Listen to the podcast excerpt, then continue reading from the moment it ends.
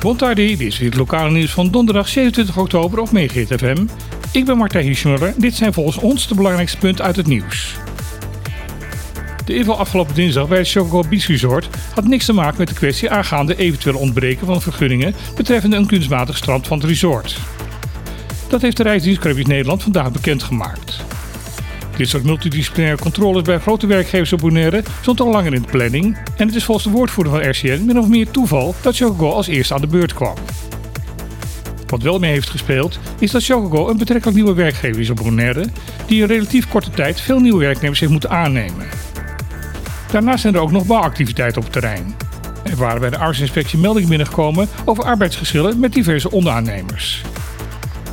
De RCM benadrukt dat de inval geen bewijs is dat er iets mis is bij Chocogo, maar wel dat er veel te controleren viel.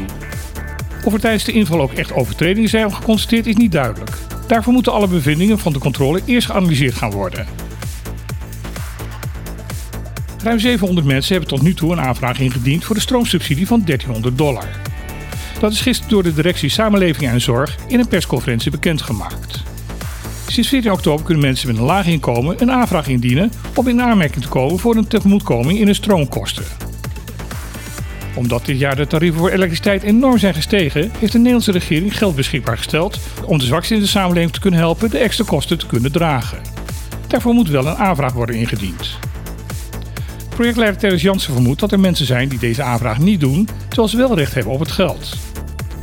De reden waarom de aanvraag niet gedaan wordt, is dat mensen niet zeker weten of ze ervoor in aanmerking komen of omdat ze zich schamen voor een lage inkomen. Jansen benadrukt dat het goed is om ook bij twijfel de aanvraag in te dienen, want zoals hij zegt, niets geschoten is altijd mis. De aanvraag kan online gedaan worden of tijdens bijeenkomsten in de verschillende wijkcentra. 166.000 stuks biologisch gekweekte groenten en meer dan 3000 kilo tilapia-vis. Dat is naar verwachting de jaarlijkse opbrengst van de nieuwe aquaponics-kas van Bonaire Daily Fresh. Een opbrengst van deze omvang zal een belangrijke bijdrage gaan leveren aan het minder afhankelijk maken van het eiland Bonaire van aanvoer van levensmiddelen van buiten het eiland. De groente in de kas wordt gekweekt door middel van een systeem waarbij de planten rechtstreeks in stromend water staan. Hierdoor groeien de planten veel sneller. In 33 dagen is een zaadje uitgegroeid tot een volwassen plant. Essentieel voor deze manier van telen is dat in hetzelfde water ook vissen worden gekweekt. De mest van deze vissen zijn namelijk de voedingsstoffen voor de planten. Deze hoeven daardoor niet extra bemest te worden. Wanneer de vissen volgroeid zijn, kunnen ook deze weer verkocht worden. De nieuwe kas van Bonaire Daily Fresh zal komende zondag tijdens de open dag van LVV officieel worden geopend. Ook zullen er dan rondleidingen gehouden worden. Heel voorzichtig wordt er weer gedacht aan een heropening van de grenzen tussen Venezuela en de ABC-eilanden. Premier Guillermo Pisas van Curaçao heeft Caracas uitgenodigd voor een eerste overleg.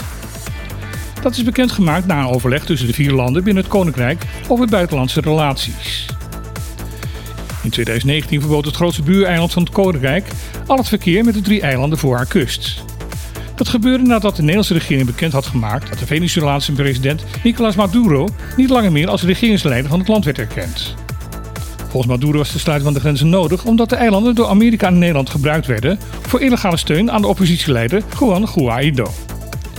Verder beweerde de president dat er via de ABC-eilanden veel goud uit Venezuela werd gesmokkeld. Minister Wopke Hoekstra van Buitenlandse Zaken benadrukt dat een eerste technisch overleg geen erkenning van de regering in Venezuela inhoudt. De verhouding tussen de twee landen zal volgens de minister de komende jaren complex blijven.